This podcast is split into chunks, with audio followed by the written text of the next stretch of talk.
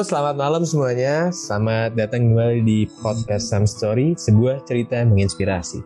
Nah, malam ini balik lagi nih bersama gue Irfan dan bersama di sini ada Adam. Ini apa kabar, Dam? Baik, gue. Lo gimana, Van? Sehat, sehat. Alhamdulillah di tengah um, ini ya pandemi Omikron ini di Indonesia sekarang lagi cukup merebak juga. Pokoknya alhamdulillah tetap gue bisa tetap sehat, tetap beraktivitas dan semoga gue juga mendoakan buat teman-teman yang mungkin lagi ya mungkin lagi isoman juga atau keluarga lagi isoman atau segala macam semoga cepat diberikan kesembuhan ya bro. Dan semoga tetap aman dan jaga prokes kayak gitu. Nah malam ini ini sebenarnya nih bro kita tuh kedatangan gestar yang apa ya yang sebenarnya relate banget sih sama gue jadi kan gue tuh juga berapa bulan terakhir lagi nyiapin buat S2 nih gue aja baru selesai belajar GRE nih Se sebelah gue itu sekarang buku GRE dan lo Waduh. apply apply S2 ya kan Iya bener banget. nah ini tuh gestar kita itu sudah merasakan nih berapa gimana sih rasanya kuliah di luar, di luar negeri kayak gitu kalau lu sendiri sebenarnya lu, uh, persiapan lu dari mana bro Hmm, so far uh, gue sih sebenarnya tinggal berkas-berkas gue udah lengkap.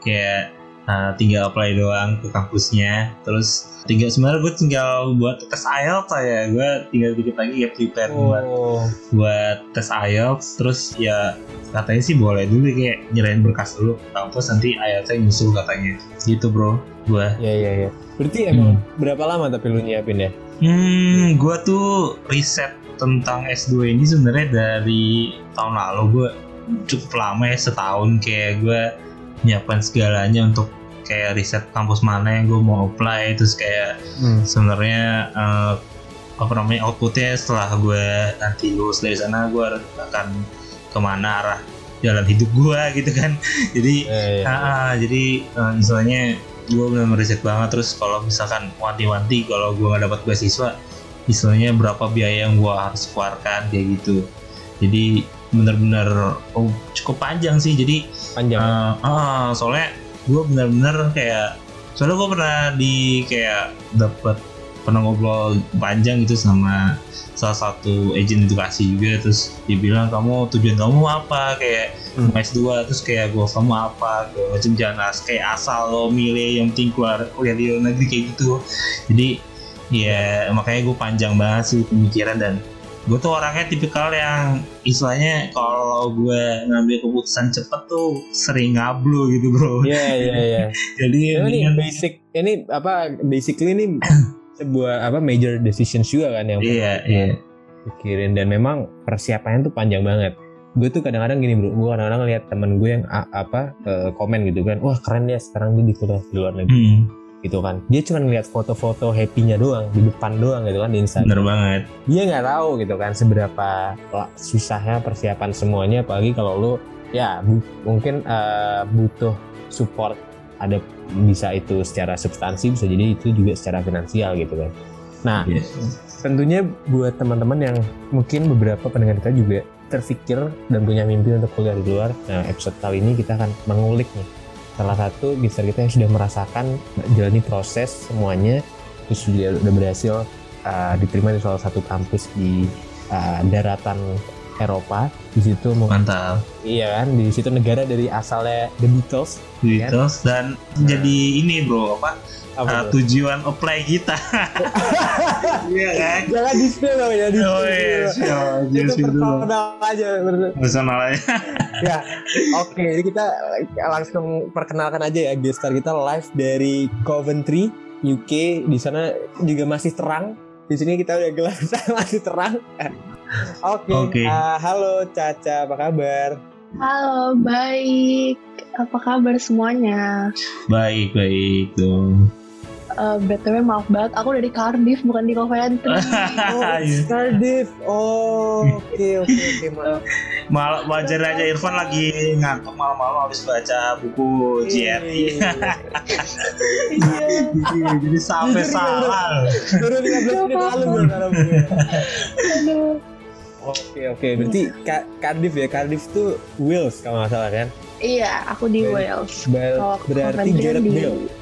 Gareth Apa Bale ya? Oh iya iya iya iya. Gareth Bale, iya. Iya iya iya. Iya iya iya.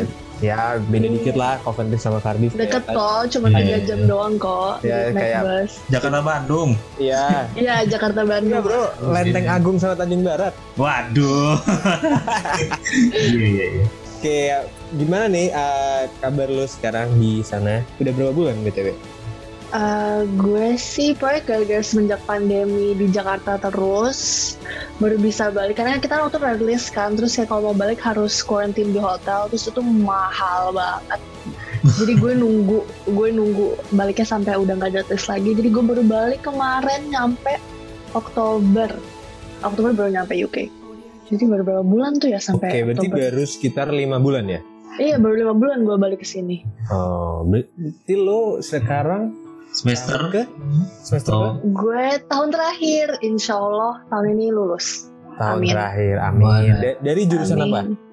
Arsitek, gue ambil arsitek. Arsitek. Wih, Wow, Iya. gile gile Ini gile. jurusan yang kalau di kampus-kampus kita itu ibarat ini kosannya gak kepake bro, karena dia di Oh iya, oh studio iya. dulu.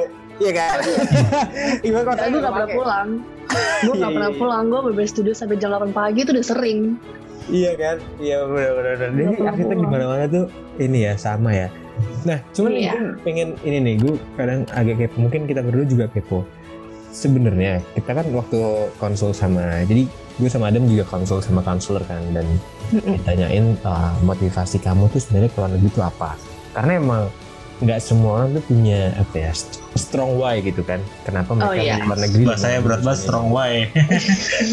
Iya karena itu itu bahasa yang gue selalu temukan sama Iya. kantor kantor bro. Ini tuh Iya. ada strong way gitu kan. Selalu Iya. dibilang-bilang. Kalau kalau di kampus gue sih bahasanya beda lagi, grand way bro, lebih gede lagi. Deket, dikit lagi jadi nama hotel bro itu bro. Waduh. Gue mau Eh. tanya nih kalau mungkin lo bisa sharing. Kenapa sih lo memilih untuk mengambil arsitek dan kenapa harus Cardiff? Gitu? Dari semua Eh, negara mungkin lo bisa Burkina Faso gitu kan, Gambia atau Betul. apa gitu kan. Hmm. Iya, Gambia anjir. mungkin awal, mungkin kayak kalau awal aku gue pengen, kenapa pengen keluar di luar negeri, itu kayak mungkin karena udah ada influence dari saudara-saudara gue, kayak mereka dari kecil tuh udah juga yang kayak pengen di luar negeri, pengen keluar negeri kayak gitu lah. Pokoknya itu kayak dari Hmm. awal tuh makanya dari itu gue udah kayak gue baru tahu tuh kalau misalnya gue bisa di luar negeri karena saudara-saudara gue mau di luar negeri Hmm. kayak gitu jadi kayak dari kecil udah ada kayak input di otak gue tuh kalau gue peng ya maksudnya ada lah itu opsi yang ada gitu karena kalau misalnya kayak di keluarga gue itu misalnya kan gue lebih juga kayak lebih maksudnya kayak bokap gue kan yang kayak lebih influence ke keluarga gue gitu kan di keluarga bokap gue tuh nggak ada yang keluar apa, di luar negeri kayak semuanya pada di Indonesia lah keluarga nyokap gue yang banyak yang luar negeri. Dari situ kayak gue jadi yang kayak oke gue kayak seru nih gue jalan-jalan ke luar negeri. Kayak awal masih kecil kayak masih yang kayak ih pengen nih ke luar negeri jalan-jalan. Kayak masih mikirnya kayak gitu lah. Karena gue masih kecil. Terus pokoknya dari SD gue jadi yang kayak udah gue pengen ah ke luar negeri. Karena awal-awal menurut gue juga kayak gue mikir kalau ke luar negeri fix banget gue bakal lebih ngebuka wawasan karena kalau di sini kan kayak kalau gue di Jakarta itu gue sama Indonesia. Karena dikit banget jujur aja dikit banyak kan ya orang expat di Indonesia tuh dikit banget kan. Kayak dari awal dari situ. Terus kayak menurut gue karena kan gue juga anak tunggal dan gue kayak Hmm. misalnya terus gue jadi yang kayak pengen deh apa tinggal sendiri. Karena gue gue tuh di keluarga yang bener-bener deket banget kayak bener-bener gue sama keluarga sama bokap nyokap gue tuh ada yang kayak udah kayak biji kayak bener-bener ke mana-mana ikut gitu loh. Gue selalu dibawa Hmm. ke mana-mana. Jadi terus jadi gue juga yang kayak jadi nggak ada waktu buat diri sendiri. Karena gue emang selalu sama mereka. Terus gue juga jadi yang kayak apa yang gue apa apa yang gue alamin semuanya tuh kayak orang tua gue tahu. Terus gue pengen yang punya uh, pengalaman sendiri ngejalanin semua sendiri nggak dibantu orang tua yang kayak gitulah. Terus dari situ gue jadi yang kayak seru juga kalau misalnya gue tinggal di luar negeri sendiri dari yang kayak gitulah. Terus gue awalnya yang kayak aduh pengen deh masih gimana sih lu? Kayak lu teenager terus lu masih deket banget orang tua gue yang kayak ih pengen di kayak teman-teman yang lain. Masih kayak eh, bisa kayak bebas segala macam kayak gitu. Karena eh, gue dulu tuh nggak gue nggak dibebasin anaknya. Kayak gue bebas kayak pulang jam segini. Nggak Iya. boleh keluar malam kayak gitulah. Anak cewek tunggal ya jelas lah. ya makanya bokap gue Medan jadi kayak keras banget. Waduh. kayak gitu. Terus apa namanya pokoknya kayak ya udah. Jadi dari situ gue kayak kayaknya tuh bukan ide yang buruk untuk dari negeri dari situ gue kayak awalnya tuh gue juga nggak dibolehin kan karena kayak ngapain sih jauh-jauh ke apa ke negeri sekolah di sini aja. Kayak ujung-ujung juga kayak sama aja pekerjaannya kayak gitu. Tapi gue yang kayak harus convince terus kalau jadi kalau di sisi arsiteknya karena bokap gue juga kerjaannya kayak uh, kerjanya juga dikelilingin dengan bangunan-bangunan orang-orang kayak yang kayak engineer gitu. Karena bokap gue kan kontraktor kan jadi kayak dia juga kayak gue jadi gak udah kayak um, udah kebuka dengan wawasan bangunan dan segala macam dari kecil juga. Terus dari situ gue jadi yang kayak gue suka matematika dan gue suka art. Kayak di tengah-tengah ya arsitek karena kayak lo di arsitek masih dapat sainsnya masih dapat matematikanya dari situ. Terus kayak ya udah deh gue jadi yang kayak apa gue jadi arsitek aja ya. Karena jujur kalau misalnya ngajar arsitek gue nggak tahu mau jadi apa. Kayak matematika doang gue nggak begitu suka kalau sama matematika atau art doang gue nggak terlalu bagus di art. Jadi kayak yaudahlah yang gabungin aja terus gue jadi mikir jadi arsitek aja. Dan arsitek kan juga gajinya banyak ya. Itu salah satu mengapa saya ingin jadi arsitek. Karena insya Allah dapat gaji banyak. Udah dari situ udah dari situ gue ngetekunin banget. Kayak pokoknya harus keluar luar negeri udah mulai research research terus kayak harus ambil arsitek. Maka dari situ gue jadi yang kayak ya udah gue mau keluar luar negeri ambil arsitek. Terus udah kayak udah bulat banget dari SMP gue nggak pernah ganti kalau ditanya apa apa pasti kayak mau jadi arsitek luar negeri kayak gitu. Wait lu dari SMP udah tahu iya gue dari SMP SMP oh. kelas 1 tuh gue udah gue udah yang kayak mungkin karena kayak bokap nyokap gue tuh udah yang kayak dari kecil tuh kayak kamu udah harus tahu mau jadi apa kayak gitu lah yang kayak bener-bener kayak masa depan tuh harus udah dipikirin banget. Kayak jadi gue dari kecil tuh udah yang kayak oke okay, gue harus persiapin kalau saya gue mau kuliah luar negeri kayak gitu berarti lu emang udah punya gambaran yang cukup jelas ya bahkan dari SMP lu udah iya. tahu mau jurusan lu apa ada gitu kan? Uh, iya pokoknya kayak makanya pas awal gue mau daftar SMP aja tuh awalnya disuruh di ali kelas kalau nggak lab school. Kayak apa bokap eh, nyokap gue deh kayak kalau udah kamu harus lab school aja nggak boleh di mana-mana. Karena kan lab school dulu kayak bagus ya lab school bagus banget kan sekolahnya. Tapi gue yang kayak enggak nggak mau mau yang harus konvensional karena gue mau ke luar negeri terus makanya jadi pas lab school test gue malah kayak ngobrol aja sama temen bangku gue. Gue nggak ngerjain tesnya terus kayak ali kelas juga gue kayak nggak ngerjain tesnya gue kayak biasa aja. Karena emang gue sengaja kayak gue nggak mau keterima di dua ini biar gue kayak harus masuk ke international school. Jadi udah. Tapi gue keterima di ali kelas terus kayak nyokap gue yang kayak udah kamu ali kelas aja. So kayak tetap gue nggak mau. Jadi kayak gue maksa untuk gue harus di international school. Akhirnya mereka yang kayak ya udah deh mungkin pas SMA bisa dirubah. Kayak gitu tapi nggak bisa dirubah juga gue masih mau di SMA internasional kayak gue nggak mau di swasta karena gue pengen ke luar negeri gitu emang dari kecil banget pengen di luar negeri I see berarti emang dari kecil tuh udah punya apa ya dari SMP udah punya jelas banget berarti SMA lu juga pasti ngambil yeah. IPA dong ya. iya gue SMA um, ambilnya IPA Iya, yeah. keren sih. Sementara gue aja dulu waktu SBMPTN tuh hamin dua minggu gue jurusan gue kan. Waduh. gue baru tahu nih cerita yang ini nih. Gue dua minggu cok. Dulu gue tuh pengen ngambil ilmu ekonomi kan sebenarnya. Jadi hmm. karena gue ngelihat bahwa oh kayaknya ilmu ekonomi tuh pilihan kedua aja deh. Karena kayak lu kan ngeliat peluang gitu kan. Terus kayak yeah. manajemen tuh pilihan peluangnya lebih sedikit. Kalau gue kayaknya nggak mungkin udah keterima pilihan satu. Ada putar pilihan dua. Ada keterima pilihan satu cok. Oke kita balik lagi nih. Jadi kan tadi sebenarnya lu udah tahu kan mau apa dari SMP itu ngapain ya? Kayak hmm. lu mau jadi arsitek dan lu mau ke luar negeri. Luar negeri, iya. Nah, yang selanjutnya di antara semua negara tadi yang gue sebutin tadi ada Gambia, Sierra Leone, Burkina Faso, ada Uganda, gitu kan? Nah, hmm. kenapa apa Afrika semua itu aja? ya satu lagi deh yang bukan ini Amerika nih namanya Saint Kitts and Nevis Kuba, Kuba, Kuba. Kenapa Cardiff gitu kan? Kenapa Cardiff? Mungkin ini juga soalnya beberapa teman-teman, gue juga in kita personal experience kita ya damai memilih negara itu bukan sesuatu hal yang mudah gitu loh. Maka hmm. Iya. memilih kampus kan gitu. Kalau jujur awal-awal gue juga gue kayak kan kalau misalnya mau ke UK lu harus ambil tes apa, ke US harus ambil tes apa, ke Australia kayak gimana itu kayak gue tes SAT buat gue mau ke Amerika terus gue ke UK kayak buat pre IELTS kayak gitu. Terus kayak kalau misalnya karena kan gue karena gue international school jadi kurikulumnya kan diterima sama semuanya kan. Jadi kalau nggak salah tuh um, di uh, apa namanya di Australia tuh cuman kayak lo tinggal apply sama IELTS doang gitu. Awalnya gue juga kayak gue belum mesti kayak gue tahu gue pengen di Inggris karena uh, mesti kayak jauh tapi nggak sejauh US tapi kayak gue masih juga masih plan plan gitu tapi um, gue lebih ke gue balik lagi kayak karena gue mau arsitek dan arsitek emang bagusnya kan di UK ya. Kalau buat spesifiknya jurusan gue kayak semua bangunan-bangunan yang kayak uh, yang ternama terus yang kayak um, architecture style yang ada di mana-mana yang bisa mendunia itu kan kebanyakan dari UK dan kayak semua arsitek yang bagus tuh juga kebanyakan dari UK jadi makanya gue akhirnya pilih UK karena kayak buat gue buat jurusan gue tuh yang paling benefit kalau misalnya gue bakal kuliah di UK karena ya gue balikin ke jurusan gue aja sih. Kayak gitu. Hmm oke. Okay. uh, sebenarnya selama lo mungkin kuliah atau uh, apa namanya mungkin apply kuliah hambatan apa aja sih yang lo alamin gitu?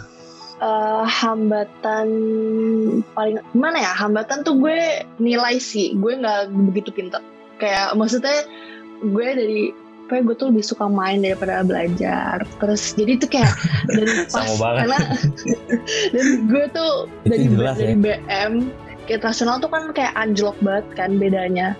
Apalagi BM hmm. juga bukan swasta masih ya gitu lah. Pokoknya BM ya swasta terus kayak internasional internasional. Jadi nilai gue tuh anjlok banget kayak dibanding yang lain-lain. Gue kayak gue sering banget nggak lulus. Masih kayak nilainya tuh di bawah di bawah rata terus yang kayak harus sering apa sih harus sering kayak um, karena kalau di kalau sekolah gue tuh kita nggak ada remet. Ada ini kayak lo ngerjain tugas tambahan kayak gitu. Jadi kalau nilai lo segitu ya lo, udah lo nggak bisa ngapa-ngapain lagi. Kayak lo cuma bisa kerjain tugas tambahan yang yang kayak belum tentu bakal ngebantuin nilai lo. Terus jadi berdua tuh bener-bener jelek banget. Terus gue yang kayak gue udah yang kayak ah udahlah apa gue pindah sekolah aja. Karena susah banget jujur susah banget sekolah sekolah nasional tuh buat gue dibanding ini masih SMP ya gimana ya? Tapi masih kayak tugas lebih banyak terus kayak pelajaran bahasa Inggris bahasa Inggris gue jelek banget karena ya BM juga nggak ngajarin bahasa Inggris kayak sebagus apa gitu. Jadi dari situ gue yang kayak hambatan dari nilai awal karena nilai gue dulu nggak bagus-bagus banget. Tapi karena gue juga ada jiwa kompetitif yang tinggi jadi kayak gue dapet gue dapet kayak gak, bisa teman-teman gue nilai bagus gue juga bagus jadi gue yang kayak ibu aku mau tutorial di mana. Kayak gue bener les setiap hari. Kecuali satu minggu ya. Gue bener les setiap hari. Gue les bahasa Inggris bahasa terus kayak gue les matematika gue les fisika semua gue lesin sampai nilai gue bagus. Terus dari hmm, situ ya udah gue pertahanin sampai SMA tuh gue bener-bener kayak kalau temen-temen gue sekolah sekolah ke BX nggak gue les. Gue bener-bener les karena ya gue harus paling nilai bagus gue gitu loh. Terus ya udah jadi makin rajin. Terus kayak nilai sih buat gue hambatan tuh awal nilai sama mungkin uh, nulis buat gue bagi gue yang beberapa hambatan banget tuh uh, nulis personal letter uh, personal statement. Itu buat gue susah banget karena gue nggak bisa banget nulis essay. Terus gue juga nggak bisa ngejual kayak gimana cara gue ngejual diri gue ber kayak sekuliah mau gue tuh gue nggak ngerti. Tapi makanya gue jadi kayak ya gue jadi ya karena gue tahu itu hambatan yang gue butuh bantuan jadi gue lebih kayak oke okay, gue butuh bantuan gue butuh orang yang bisa ngebantu gue jadi ya udah uh, hambatan tuh dia itu nilai dan personal statement karena gue nggak bisa batu sesi jadi itu sih hmm. hambatan. Berapa tahun tuh kalau uh, kita boleh? Mestinya kita kan kadang-kadang kayak misalnya gue sama Adam itu persiapan ini udah hampir udah setahun, setahun ya? Kalau setahun gue enam bulanan lah. Nah kalau hmm. lu sendiri sebenarnya udah berapa lama? Dari pertama kali lu nyiapin ya oh, pertama kali nyiapin tuh um, SMA kelas 2 ya. Dan itu pun karena juga sekolah ngedorong kan. Karena kan sekolah nasional kayak lebih ngedorong kalau misalnya lo kode negeri. Karena kan bagusin apa akreditasi sekolah juga kan. Dan itu dari SMA kelas 2 tuh udah banyak sering kayak um, apa sih kayak sekolah-sekolah apa oh ya, universitas dari luar negeri terus dia kayak bikin pameran di sekolah yang kayak gitu-gitu. Terus kayak dulu tuh sering tiap minggu tuh ada kayak counselor yang ngasih questionnaire kayak lo mau kuliah di mana terus kayak udah dipikirin belum. Jadi emang kayak dorongan pertama dari sekolah. Jadi gue tuh dari SMA kelas 2 udah um, pertama-tama kan karena um, gue tuh kurikulumnya ganti pas SMA SMA kelas 2 kan. Yeah. jadi kayak bukannya bukan IPA IPS jadi kayak lo bisa misalnya kayak lo bisa ambil fisika tapi lo juga bisa belajar buat bisnis kayak gitu. Okay. jadi dulu-dulu bisa dulu nggak dapet. Jadi dari SMA kelas 2 tuh gue udah milih pelajaran yang bakal benefit gue yang kayak bakal kepake lah buat arsitek hmm. jadi gue gue ambil fisika gue ambil art gue ambil matematika. Jadi kayak gue ngambil itu dari dari situ gue udah kayak terus gue udah mulai nyari kuliah lah. Saya kayak tiap tahun tuh akhir tahun pasti kayak gurunya nanya kayak mau kuliah di mana udah nyari ini enggak jadi lebih kedorongan sekolah makanya gue kayak udah mau persiapin dari SMA kelas 2 Uh, sorry, if I'm not mistaken, lo kalau mentari itu kalau nggak salah itu sekolahnya mau dia. iya, Iya, ha-ha. Maudi tapi kan? kalau mau dia yang di Jakarta gue di Bintaro Oke, I- uh, I've heard they have this um, international baccalaureate program. iya that's iya Nah, itu uh, kurikulum you gue took the program. iya that's the program jadi Oh, ada kayak program itu.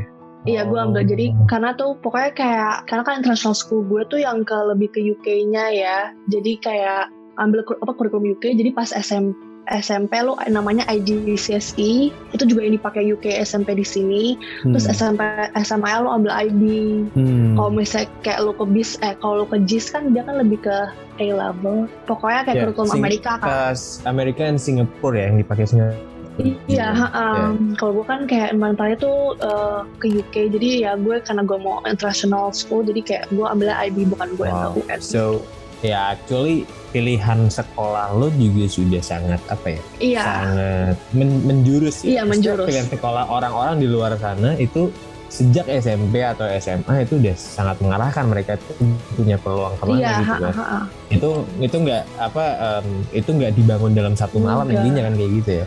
Iya. Wah, Iya. Iya. Eh berdua itu ini sih sekolahnya. menurut gue ini poin penting banget sih. Iya. Mungkin gue pengen nanya soal apa namanya tips kalau misalnya gimana sih supaya lo bisa keterima di itu uh, univnya Iya. gitu. Heeh. Terus lo lo di sini sebenarnya biaya sendiri atau beasiswa? Nah kalau jurusan ini tips dulu ya. Kalau Iya. tips itu menurut gue karena tapi gue gue lebih bisa lebih ngertinya ke jurusan gue. Kalau gue kan karena gue tuh daftarnya kan kalau misalnya bisnis atau yang lain kan lu pakai nilai terus special statement terus udah kan. Hmm, itu hmm, doang iya. kan kalau gue tuh gue harus tambahin portfolio juga kalau jadi kayak gue harus tambahin kayak gambar-gambar gue dan art gue dan um, dari situ tuh gue dan tiap sekolah tuh mintanya tiap uh, beda-beda hal jadi kayak setiap sekolah yang gue apply itu uh, mereka beda requirement buat in terms of portfolionya juga dan nilai juga. Jadi tips gue kayak um, yang paling penting tuh harus research research buat kayak lu mau kuliah di mana terus yang kayak top lu kuliah tuh di mana. Jadi lu tuh nge-aim nilai lo sama personal statement lo itu ke kuliah lo. Karena kalau gue kan dulu kan apply-nya through UCAS jadi kayak it's a applying portal system for the UK and lo tuh cuma bisa apa namanya submit one personal statement basically. Jadi gue kayak um, karena gue emang first choice gue di Cardiff jadi gue um, nge-make my personal statement tuh as what they look for in a student. Jadi kayak gue very specific on what I put in my personal statement karena emang gue pengennya di Cardiff. Terus pokoknya nilai itu menurut gue kayak lu bener harus persiapin nilai sama bahasa. Karena Hmm. di sini tuh awal kayak gue sih denger dengar katanya kalau misalnya nilai lo kurang buat bahasa buat IELTS atau bahasa Inggrisnya kayak lo bisa either IELTS lagi pas tuh nyampe sini atau lo ikut eh, ikut kursus bahasa Inggris di sini dari kampus lo dan lo juga tapi lo harus kayak bar ekstra gitu. Jadi I think kayak at least um, you know like basics English gitu or like you understand sedikit gitu. Biar lo juga nggak usah kayak berat di ongkos juga karena kalau misalnya lo kurang nilainya kan lo pasti harus kayak nambah lagi pas di sini lo harus tes lagi di sini atau kayak lo harus kuliah lagi apa kayak jurusan bahasa Inggris lagi I think ya yeah, just know basic English terus nilai lo sama research on what you need and what you need to prepare untuk kayak kuliah di kuliah yang lo pilih kayak gitu Hmm. Oke tadi by the way eh, ini kalau misalnya tes lagi itu itu khusus buat S1 doang, khusus untuk S1 doang atau S2 itu juga bisa kayak tuturan terus bisa ngetes lagi gitu.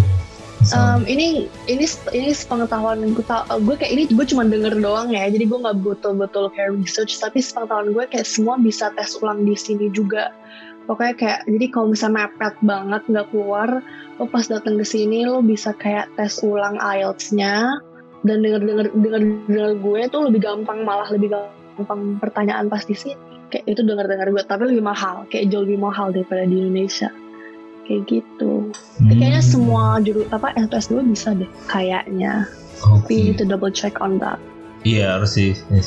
Soalnya gue Uh-uh. was-was banget di sebenarnya di IELTS ya ada yang kurang dikit gitu. Kan minimal 6 semua itu overall belum Mm-mm. setengah kan. Itu, Mm-mm. itu yang gue jadi konsen gue sih sebenarnya kalau berkas-berkas so far kayaknya gue bisa gue tanganin gitu tapi kalau IELTS ini yang jadi konsen gue sebenarnya. Iya makanya kalau misalnya masih kayak kalau nilai lo kurang lo harus tes lagi juga gitu kan kayak Hmm. dapet gitu kan jadi ya berarti ongkos tapi ya kayak gue juga dulu awalnya tuh gue cuma tes apa tes IELTS biasa doang gue nggak tahu kalau misalnya mau bikin visa tuh harus yang IELTS UK visa Apa Iya, dulu? ada- Apa lagi tuh maksudnya? Oh, wow. ada dua Apa ada maksudnya? dua. UKVI Apa itu? ya? UKVI itu ya? Ya yang UKVI sama yang IELTS biasa Oh. itu gue nggak tahu. Jadi kayak when you apply for the, jadi IELTS tuh buat kuliahnya. Kalau Ah, IELTS UKVI itu buat visanya. Tapi yang gue yang gue nggak tahu tuh kalau gue ambil IELTS UKVI doang gue tuh itu bisa dipakai buat kuliah juga. Jadi nggak harus kayak tes dua-duanya gitu enggak oh I gitu. see. Oh itu salah gue juga bro. Lo udah tes yang IELTS biasa ya? Anjing. tes lagi dong lo. iya Gaji gue bro Jadi- udah udah lebih dari setengahnya itu buat kayak gitu-gitu. Iya makanya. makanya Wadah, wadah. mahal banget kayak emang Iya. UKVI lebih mahal daripada IELTS yang biasa jadi kayak gue ya udah Hmm. gue apa IELTS biasa aja karena ya sama-sama IELTS kan ternyata nggak boleh kalau mau apply visanya lo harus yang UKVI Waduh, ini ini penting nih makanya bro. Gua ngajar mati-matian buat orang yang lagi sekarang di UK jadi ya. Wah kayak gini-gini ya. Waduh banget sumpah Iya, kalau gue ulang. baru tahu Ini gue baru tahu sumpah asli ini Ulang, ya timsah udah lah. sekali. Kita pikirin nanti aja. Kita ngobrol-ngobrol dulu bang. Wah gila gila gila. Oke oke oke. Tadi tadi kan sebenarnya persiapan lo tuh banyak ya dan gue yakin juga dialami oleh semua orang em, yang apa yang mau mengejar apa pun lah dalam hal ini kan dia kuliah di luar negeri. Pernah nggak sih lo merasa anjing banyak banget nih yang harus gue siapin banyak banget yang harus gue mau ngejar terus lo mempertanyakan lagi dan lo kayak apa gue nyerah aja ya gitu gitu. Hmm. Kalau Sama tadi yang beasiswa juga. lain- Yang beasiswa juga Iya, tadi sorry. ah, Hah?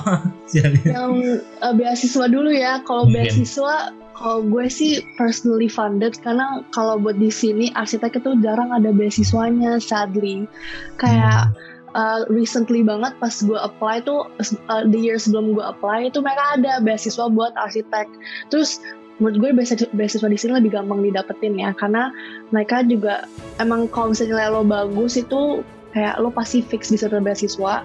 Tapi mereka juga ada kayak list of other beasiswa yang kayak kalau misalnya lo kurang beruntung lah atau kayak lo fundingnya kurang itu juga mereka bakal consider buat ngasih lo beasiswa. Jadi kayak lo nggak harus nilai bagus untuk dapet itu itu yang gue suka dari sini kayak karena banyak banget uh, institusi yang uh, yang yang mau gitu nge-support nge-fund buat um, anak kuliah di sini kayak gitu jadi mm, kalau misalnya buat yang kayak other courses dan um, dan baik kayak uh, social studies itu banyak banget beasiswanya. Uh, tapi menurut gue pokoknya kayak mereka tuh lebih banyak beasiswa untuk mata pelajaran yang gak mahal. Kayak kalau misalnya kuliah kuliahnya arsitek itu mahal banget, jadi mereka jarang ada yang banyak. Kayak dokter juga, dokter mahal banget di sini. Terus kayak itu ini yang gue nge-research sendiri ya, itu jarang ada. Computer science juga jarang ada. Jadi kayak menurut gue tuh banyak, apalagi kita kalau buat business, management, marketing, ekonomi tuh banyak banget ada beasiswa. Tadi gue personally funded karena buat di Cardiff arsitek nggak ada, adanya bursaries. Kalau bursaries tuh kayak um, mereka ngasih lo uang aja, jadi kayak bukan beasiswa lagi. Kalau beasiswa kan lebih kayak dari sekolah, terus dari nilai lo bagus atau karena any other misfortune kan. Kalau bursary tuh kayak kayak biasa aja kayak ada orang kaya yang mau bayarin lo sekolah apa sekolah terus yang kayak atau enggak ada kayak institusi yang kayak kalau gue dari uh, institusi arsiteknya dari UK mereka biasanya emang ngasih bursary gitu karena kayak buat uh, student-student yang kayak kurang bisa buat fundingnya. Jadi kayak bursary itu kebanyakan kalau lo kurang bisa uh, untuk nge-fund studies lo mereka ngasih lo uang dan itu nggak harus dibalikin. Jadi kayak agak sama kayak beasiswa tapi lebih ke karena lo kurang mampu untuk ngebayar kuliah lo kayak gitu Oke oke oke. Iya sih. Eh, tapi kalau S1 tuh belum ada bisa ngeplay ke LPDP gitu. LPDP tuh ke S2, Enggak. S3 ya.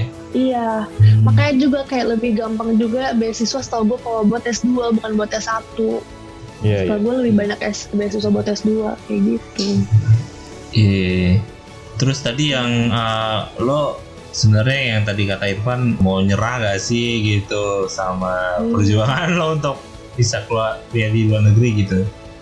Kalau nyerahnya in terms of keluar negeri enggak sih. Kayak gue emang bener-bener determined gue pengen keluar dari negeri itu kayak nggak ada nyerahnya. Lebih nyerah ke jurusannya. Gue kayak lebih kalau luar negerinya karena gue emang dari dulu emang udah bener kayak gue harus luar negeri. Gue nggak bisa nggak bisa di sini terus. Kayak gue harus pergi.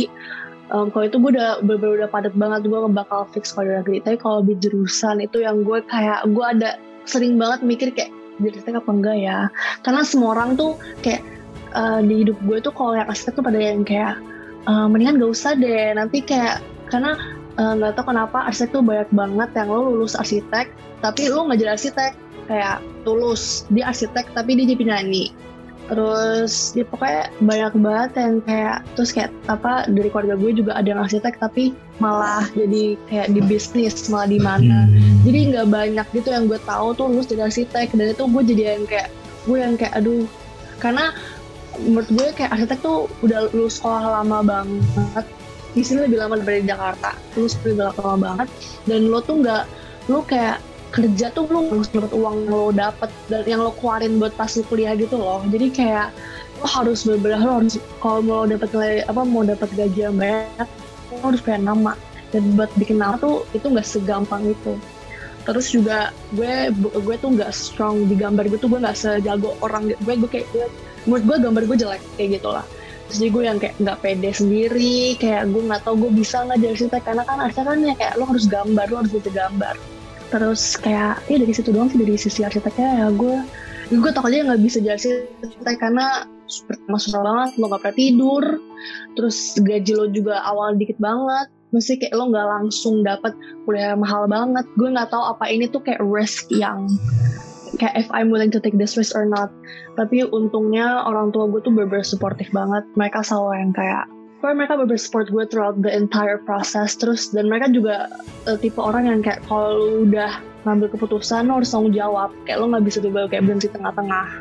Jadi kayak lebih ke juga takut orang tua itu juga ada play a part gimana kenapa gue masih di sini dan masih tahan. Karena juga ya, gak enak banget lah maksudnya kayak gue udah kuliah jauh-jauh mahal eh, kayak biayanya mahal banget. Itu kayak kalau misalnya gue stop tuh ya gue nggak enak aja sama orang tua gue jadi kayak ya udah gue tak gue lanjutin tapi alhamdulillah gue seneng-seneng aja di sini masih kayak walaupun gue stres nggak pernah tidur segala macem kayak gue tetap ngejalanin dan gue happy jadi kayak lanjutin aja lah sampai gue bisa insya Allah sampai selesai I see, I see. Amin amin. Semoga cepet kelar. amin ya Allah Tapi lo nextnya bakal ini apa? Lanjut S2 atau gimana?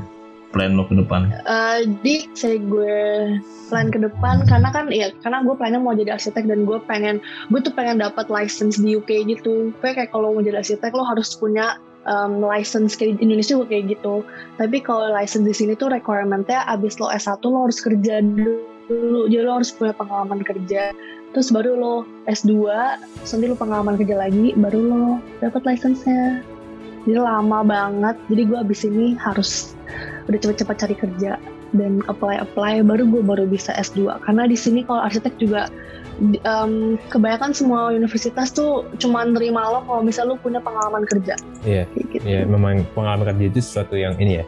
Iya, penting Oh. banget. Hmm, Benar-benar buat beberapa jurusan juga yang gue mau apply, gue juga lagi proses-proses apply kan dan mereka Mm. um, some of them gue gak jadi apply karena ya uh, pengalaman kerja gue short dari dia minta tuh berapa ya? Iya. tahun. Mungkin gue gue gue dua tahun kurang kan. Di kayak ya Hmm, iya dan kayak setahu gue juga em, kalau internship gitu em, kalau buat arsitek ya kan biasanya internship di Indonesia kan cuma tiga bulan enam bulan gitu kan nah itu tuh nggak bisa dipakai Iya, lo iya. buat eh, daftar tuh nggak bisa lo kerja bener harus kayak minimal setahun kayak gitu hmm, ya dia harus accounts uh, full time work ya. Iya harus account for full time work gak bisa kayak internship gitu kayak it will bakal ngebantu di CV lo tapi in terms of like um, buat apply buat ke kuliah terus keterima itu kebanyakan tuh lo harus kerja setahun kalau buat arsitek gitu Oke. Uh, mungkin gue mau tanya lebih sesuatu yang sifatnya lebih ke kita keluar dari perkuliahan itu ya.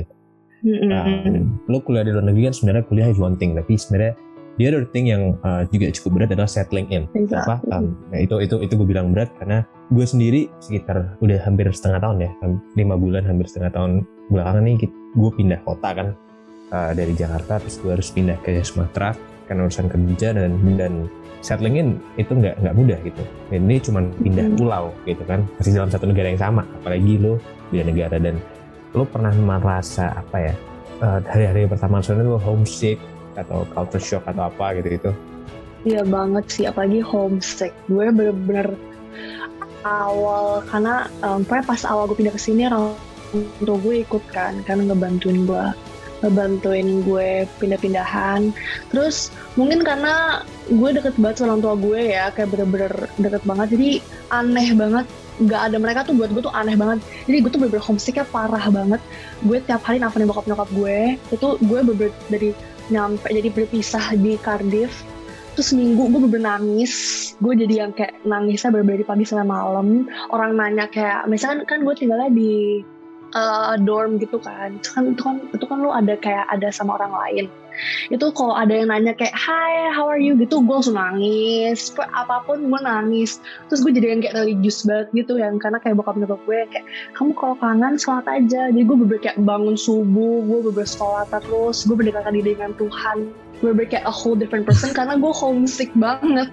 Kayak gue yang kayak udah gue bakal ambil gue akan lakukan semuanya baru gue dekat lagi sama Tuhan dan orang tua gue terus gue bener kayak gue tujuh hari itu gue gue nggak mau keluar kamar gue nggak mau keluar kamar. Gue masak nasi di kamar makan di kamar nyuci piring gue di kamar mandi kamar gue. Gue bener nggak mau ketemu orang-orang. Tapi untungnya pas gue datang ke sini tuh gue sama satu orang lagi dari sekolah gue yang dia juga kuliah di Cardiff. Terus uh, mungkin dan dia dia tuh nggak handle lebih bagus dia nggak handle gue backend lebih lebih well daripada gue ya. Jadi dia yang kayak udah calo harus pergi kita harus jalan. Kayak kita harus ngapain? Kayak yang penting lo jangan di kamar terus. Terus gara-gara gue jadi kayak sering ketemu dia dia sering ngajak gue jalan dia udah ngebantuin banget gue untuk nggak mikirin kayak rumah. Karena kalau misalnya gue bener-bener kayak di kamar sendiri terus terus gue nangis-nangis mulu kapan gue bisa kayak settle in di sini? Kapan gue bisa kayak live sendiri karena lately kan gue nggak bisa bukan gue beber kayak gue masih yang gue masih kayak sampai yang gue sih gue tuh beber tidurnya baru jam berapa biar gue bisa nelfon bokap gue gue pas bangun. Terus kayak kalau misalnya kan nggak ngangkat tuh gue langsung neror gue ngestem kayak di mana? Kenapa nggak ngangkat? Kayak gue kayak orang gila dulu. Ya. waduh waduh ya tapi iya ya the pressure is Nah, still gue- sih tapi iya gue bener-bener kayak karena beda banget. Di sini tuh bener beda banget. Kayak lo bener-bener sendiri dan udah gitu belum gitu time difference-nya. Dan iya orang bule sini kan emang mereka lebih udah udah lebih menurut gue orang bule tuh nggak se nggak se kayak beda lah kayak uh, culture-nya sama kita yang kalau apa kalau misalnya keluarga. Jadi mereka di sini yang kayak kalau saya gue bilang kayak iya gue kangen my parents dia yang kayak kenapa? Kan baru ketemu kemarin. Terus gue kayak tapi kan beda ya rasanya. Jadi mereka nggak ngerti aja jadi untung banget gue ada teman waktu itu yang kayak bener maksa gue untuk keluar kamar untuk kayak do activities with him together. Kayak udah itu itu beberapa homesick tuh waktu itu beberapa plays a big part banget. Sama kalau culture shock sih lebih kayak ke bahasa um, lebih ke accent ya. Kayak UK itu accentnya thick banget. Dan gue tuh bener-bener dua bulan pertama tiga bulan pertama gue tuh bener nggak ngerti kayak orang ngomong apa sih gue gue yang kayak hah ngomong apa sih? Hmm. kan ngomongnya cepet banget. Cepet terus banget. kayak mereka tuh accentnya bener-bener kayak beda sama Amerika. Kayak ya kita lebih sering nonton film Amerika kali ya. Jadi kayak iya lebih iya. terbiasa dengan bahasa mereka dan accent mereka gitu. Jadi kayak dan mereka juga accentnya gak jadi kayak gue tuh bisa gampang ngerti tapi kalau misalnya sama UK tuh gue berbeda kayak gue harus belajar dan kayak beda misalnya kayak beda kota tuh beda accent Beda aksen, dia apalagi lo- beda accent ha terus kayak aksen. Irlandia bro nah itu gue gue gak bisa deh itu aksen UK aja udah gitu ya aksen Irlandia gitu. Iya, karena kayak bener stick banget. Jadi gue harus yang bener-bener kayak dengerin mereka ngomong apa terus kayak baca bibirnya baru gue ngerti atau enggak. Karena gak enak juga kalau gue yang kayak hah what did you say? Kan gue gak enak kalau misalnya nanya Iya mulu. nanti gue dikira bego. Jadi gue yang kayak Oke, kadang-kadang cuma gue cuma yang kayak iya ngerti kok, padahal nggak ngerti sama sekali. Lebih ke accent sih. Kayak gitu. Aksen ya. Eh gue udah kebayang sih dan gue udah kebayang sih.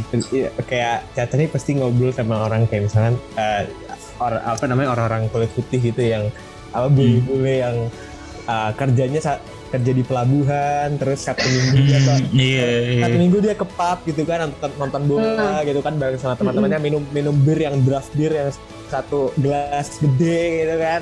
Iya. Iya iya. Gue udah kebayang banget sih wah itu dalam pikiran gue juga wah absurd Iya. banget sih.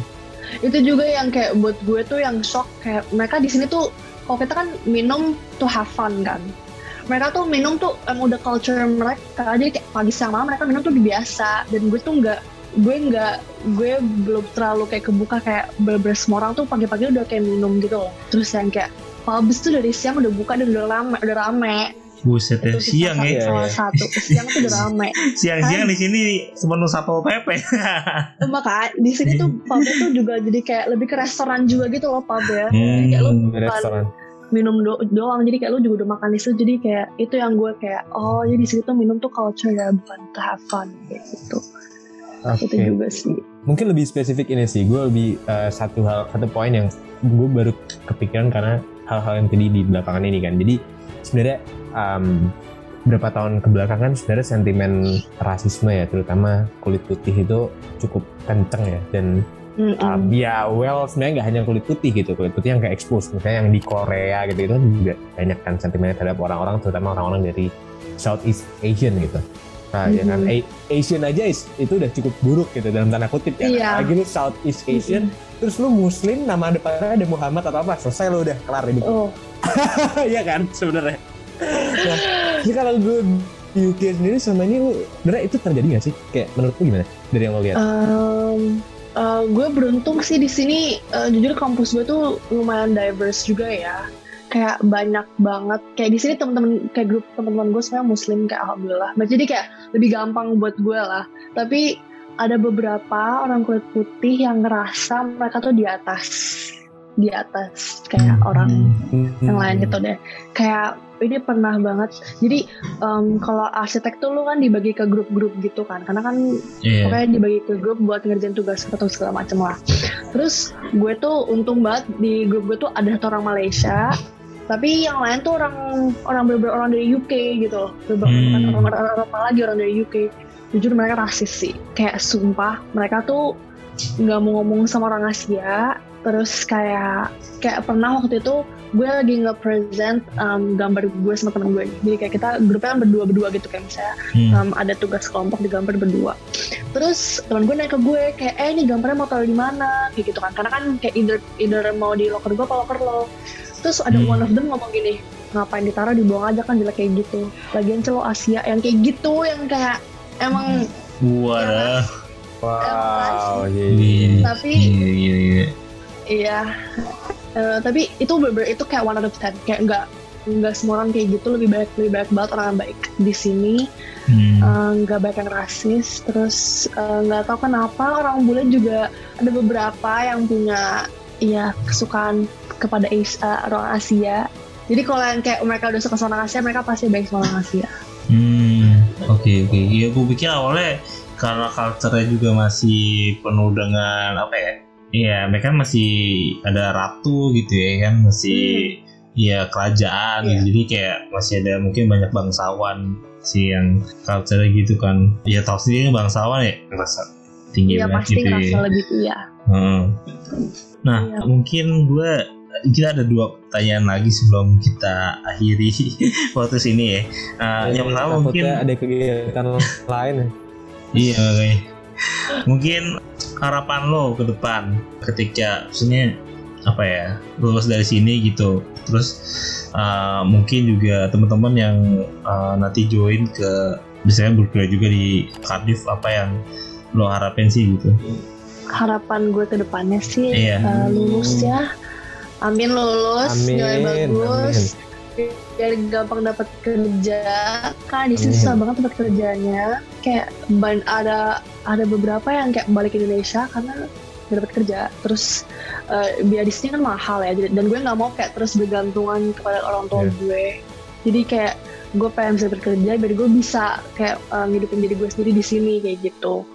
Dapat kerja sih. Terus semoga bisa pulang bawa ijazah um, amin itu doang sama oh udah nilai bagus Hmm. terus ya bisa bikin bisa bikinan di rumah bangga Ya, kayak nggak sia-sia lah dia kayak nggak kuliahin gue jauh-jauh tapi pelan-pelan nggak bawa hasil kan juga kayak nggak bisa kan Iya.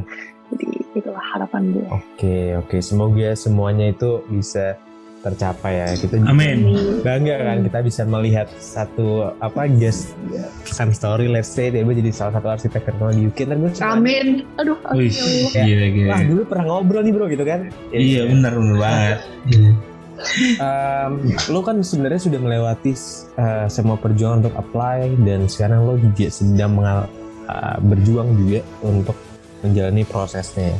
Eh, proses lo berkuliah eh, apa kalau lo mau ngomong nih misalkan sebenarnya nggak nggak ke nggak misalkan juga sih lo lo ngomong sama gue semadam yang lagi berjuang juga dan Hmm. juga bisa mungkin bisa mewakili teman-teman lainnya yang punya aspirasi untuk kuliah di luar negeri mungkin apa sih hal yang mau lu sampaikan ke mereka kalau lu uh, let's say lu punya kesempatan untuk ngomong ke mereka gitu. kalau misalnya ini gue belak belakan aja ya kalau Ya, misalnya ya. pas lo mau daftar aja lo udah kayak anjir susah banget lo pas kuliah lebih di drill lagi kayak lo bener-bener lo harus kayak harus bener-bener mau biar tekad lo tuh kayak gak gampang diguncang gitu loh. Karena kalau misalnya lo pikir kayak pas daftar tuh udah susah apalagi pas lo udah masuk. Karena kuliah di sini sama Jakarta tuh beda banget menurut gue. Menurut gue beda banget. Menurut gue di sini tuh bener-bener lo sendiri lo self learn banget. Kayak lo mau masuk nggak masuk juga mereka nggak peduli. Lo mau buat gue ya kalau pelajaran gue kalau mau masuk nggak masuk mereka nggak peduli yang penting lo nilainya bagus. Kalau nggak lo dikeluarin. Dan pokoknya kayak segampangnya tuh buat lo dikeluarin. Jadi kayak bener-bener lo tekadnya harus kuat. Pokoknya kayak bener-bener jangan jangan pantang mundur. Kayak lo kalau misalnya lo mau lo ambil. Kayak jangan kayak setengah-setengah tuh nggak bisa di sini. Karena and then juga lo di sini bakal sendiri kan. Jadi kayak lo bener-bener juga harus percaya diri sama diri lo sendiri karena ya lo cuma di sini sendiri lo nggak bisa lo nggak bisa nyindir ke siapa-siapa lo nggak bisa nyindir lagi orang tua lo. Jadi kayak lo bener-bener harus bisa semuanya sendiri dan lo harus kayak lo harus semangat lah. Yang penting kayak pokoknya lo kan ya jangan sia-sia lo ke negeri itu lo kayak pelan-pelan malah sama aja. Kayak lo pasti harus tunjukin kalau lo tuh emang emang lo tuh you deserve to untuk luar negeri gitu. You deserve to be um, untuk apa luar negeri lo lo kayak pokoknya lo yang penting lo ngasih tunjukin kalau lo bisa gitu. Dan jangan patah semangat karena masih banyak lagi tantangan di depan. Jadi maju terus aja. Masih bisa kok. Gitu. Oke, gue ada satu pertanyaan terakhir ya. Nah, ini sangat apa namanya visioner sebenarnya. Ini, kalau misalnya lo dengerin podcast lagi ini apa namanya lagi lima tahun ke depan, lo pengen dikenal sebagai apa dan lo pengen lihat diri lo sebagai siapa di lima tahun ke depan. ah pengen punya nama di arsitek karena karena menurut gue buat kayak buat perempuan anak tunggal sendiri ke luar negeri sendiri itu juga bukan hal yang mudah apalagi kayak gimana ya kalau di jurusan gue tuh kebanyakan juga laki-laki kan. Iya. jadi arsitek tuh kebanyakan laki-laki dan yang terlalu juga kebanyakan laki-laki.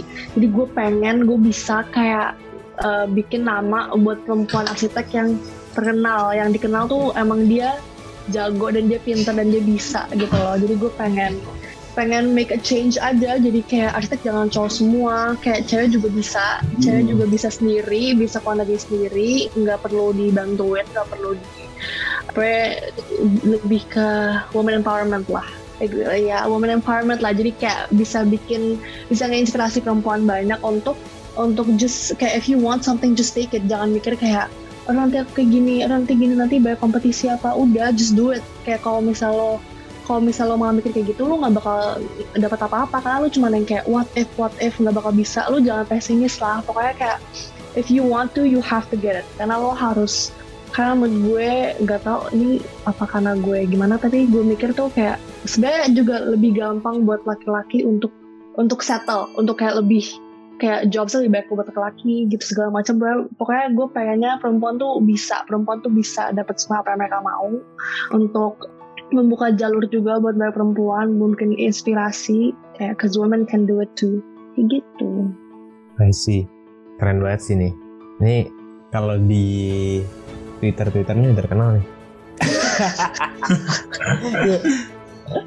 Nggak, nggak, bercanda, bercanda. Tapi bener sih, um, a lot um, arts yang lu bilang itu bener bahwa kayak ba- balik lagi kenapa kons uh, kenapa gue ini recall waktu gue konsultasi sama konselor gue dia selalu bilang you need to have a strong why karena memang perjalanan itu panjang dan memang panjang dan memang uh, berat gue hanya mungkin uh, sharing satu spektakel aja dari perjalanan gue adalah gue kerja dari pagi jam gue bangun jam 5 pagi gue nyampe kosan lagi itu jam 8 malam baru karena kerjaan gue belum banyak. Apalagi kalau Jumat Jumat tuh gue bisa pulang jam 10 jam 11 gue masih harus belajar harus nyiapin semuanya harus bikin reference letter harus bikin motivation letter dan itu nggak bisa sekali duduk. Ya kan? Lo, lo mungkin juga setuju itu nggak bisa sekali duduk. Mhm, nggak bisa. Itu sebenarnya kesimpulan yang gue mau ambil dari um, discussion kita ngobrolan kita malam ini ya. Um, mungkin kalau pendengar juga beberapa pendengar gue mungkin nggak semuanya tapi mungkin beberapa pendengar um, tadi gue sengaja tunjukkan tentang lo dari mentari dari international school dari international baccalaureate dari uh, sekolahnya mau di Ayunda dan segala macam sebenarnya buat para pendengar di sini yang melihat bahwa oh ya kan dia dalam tanda kutip dia personally funded dia bisa ada bantuan lah intinya. It's not kayak a story yang kayak oh orang dari pedalaman mana? Habis itu terus lo um, bisa kuliah di luar negeri yang some kind of a zero to hero story lah gitu. Kenapa? Karena sebenarnya ini yang sebenarnya gue personally dan le- lewat some story juga mau sampaikan gitu bahwa it's not about the privilege gitu. Ini kata-kata yang mau di Ayunda sih teman gue setuju banget. It's not about the privilege but it's about what do you do with that privilege gitu loh. Lu punya privilege oke lu punya seorang tua yang supportive lu punya let's say lu punya resource. Tapi kalau lu diem aja di kasur dan lu main Mobile Legend ya nggak akan apa-apa Exactly. nggak akan terjadi apa-apa gitu kan. Dan tadi gue juga um, mungkin Caca juga cerita tentang perjuangannya udah yang udah dari SMP um, terus melancarkan semuanya terus harus berjuang ngambil SAT dan segala macem ngambil apa survive kuliah survive sekolah di sekolah internasional terus dia, dia harus settle in dengan segala perbedaan culture shock juga dan segala macem itu bukan a walk in the park gitu loh dan nggak nggak apa ya itu itu juga tetap perjuangan yang sebenarnya nggak boleh dikali nol gitu. Itu yang maksud gue itu sih yang mau gue sampaikan dan um, karena kenapa? Karena uh, gue merasa terlalu banyak sih generasi yang gue lihat mungkin ya di media sosial uh, generasi muda kita tuh kayak looking for excuses gitu. Kayak oh ya lu ini lo ini lo ini ya oke uh, excuses lo valid cuman um, jangan juga terus lo berlindung di balik excuses itu. Gitu lo tetap harus fight apa pun yang harus lu- apa yang harus terjadi lo tetap harus fight. Nggak bisa dong lo let's say kata menurut lo nggak privilege tapi lo ternyata juga ya cuma nongkrong di coffee shop terus lo main Mobile Legends nongkrong sama teman-teman lo sampai pagi. Ya jangan nyalahin privilege ah, jangan nyalahin Tuhan gitu kan. Privilege kan pemberian Tuhan.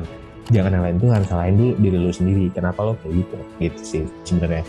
Dan ingat kalau beberapa ah, jadi cak ini tuh pen, pendengar kita tuh mostly mahasiswa kan sebenarnya mahasiswa dan eh, orang-orang kerja lah. Early, early jobbers kayak gue gitu. Yang mau gue sampaikan ke pendengar kita adalah seenggak privilege-nya kalian sekalian merasa tidak punya privilege gitu. Seenggak privilege-nya kalian lah intinya. Kalau lu kuliah lo tuh masih jadi top 10% dari orang Indonesia. Karena hanya 10% ini data dari BPS hanya 10% orang Indonesia yang punya kesempatan kuliah. Gitu. Dan apalagi lu punya pendapatan di atas 5 juta sebulan itu udah membuat lo menjadi uh, 10% orang terkaya di Indonesia. Ini Asian Development Bank ya yang bilang. Oh my god. Itu gue nggak tahu. Indo- ya ya itu lo itu menurut gua itu menurut gua harus di, disadari sih sama orang eh, sama orang-orang generasi muda kita lah yang terutama yang kayak gitu. Karena ya gue ngeliat gitu sih sekarang Cak. kayak ah, lo nggak jelas mau ngapain lo cuman oke lo kerja oke mungkin hidup lo berat I know. Tapi maksud gua jangan salahin bahwa oh dia tuh punya privilege dia tuh punya dia tuh tajir dia tuh segala macam. Udah cut the excuses fokus sama apa yang lo mau kejar. Gitu dan lo cerita tentang apa yang mau lo kejar fo- fokus dan ya that's it. Tuh menurut gua kesimpulannya itu semua tetap gitu diperjuangkan gitu dan kuliah luar negeri bukan se- sebuah hal yang keniscayaan kan buat orang Indonesia gitu ya ini mungkin panjang terus sih cuman gua offering my thoughts aja sebenarnya ya ya kan Iya, iya, iya, orang iya, yang iya. kayak iya Iya, gue juga karena gemes bro. Jujur aja, gue gemes, Gem- gemes dan kayak, oh ini ini story yang menurut gue perlu untuk di up gitu. Gitu sih. Oke. Ya mudah-mudahan bisa menginspire, bisa menginspire orang untuk kayak, oh iya bisa kok caca aja bisa. Makanya Iya. jangan mesti kayak walaupun gue punya segala ini Oh, tapi gue actually juga Uh, gue kerja for it gitu. Oke, oke, luar biasa banget di apa namanya episode kali ini sangat cukup panjang ya, karena gue juga kayak kalau gak durasi ini bisa sampai hari nih Bulgar ya, banyak banget ya. maaf banget emang Oke. aku cerewet soalnya Oke. Gak apa-apa, tapi seru banget sih seru banget gue dapat banyak banget insight, terutama apalagi gue dan Irfan pengen banget untuk apply ke UK gitu ya. Dan uh, mungkin buat teman-teman yang masih Kita jadi semakin termotivasi ya. Oh iya banget. Mungkin buat teman-teman yang masih pengen istilahnya nanya-nanya soal UK ataupun soal pekerjaan di UK mungkin yang belum sempat kita katanya uh, di episode kali ini mungkin bisa langsung ke mana nih?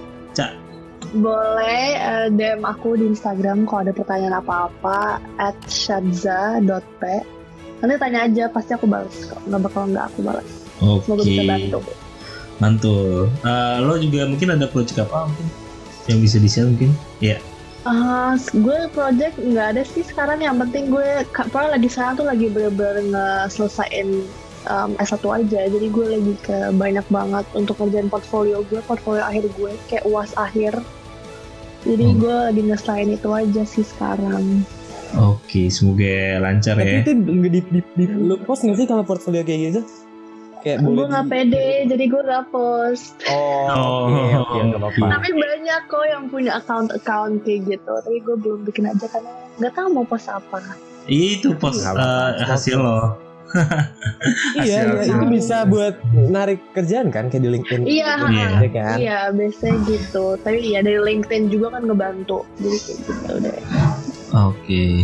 Oke, T- ya itu tadi kita apa namanya eh udah ngobrol-ngobrol sama Caca tentang kuliah luar negeri dan sebenarnya episode ini juga beberapa em, muncul dari request request teman-teman pendengar ya, ya mereka juga pengen studi di luar negeri. Nah, akhirnya kita bisa wujudkan setelah tertunda beberapa lama ya Dam ya, nggak apa-apa. Iya. Ya, ya.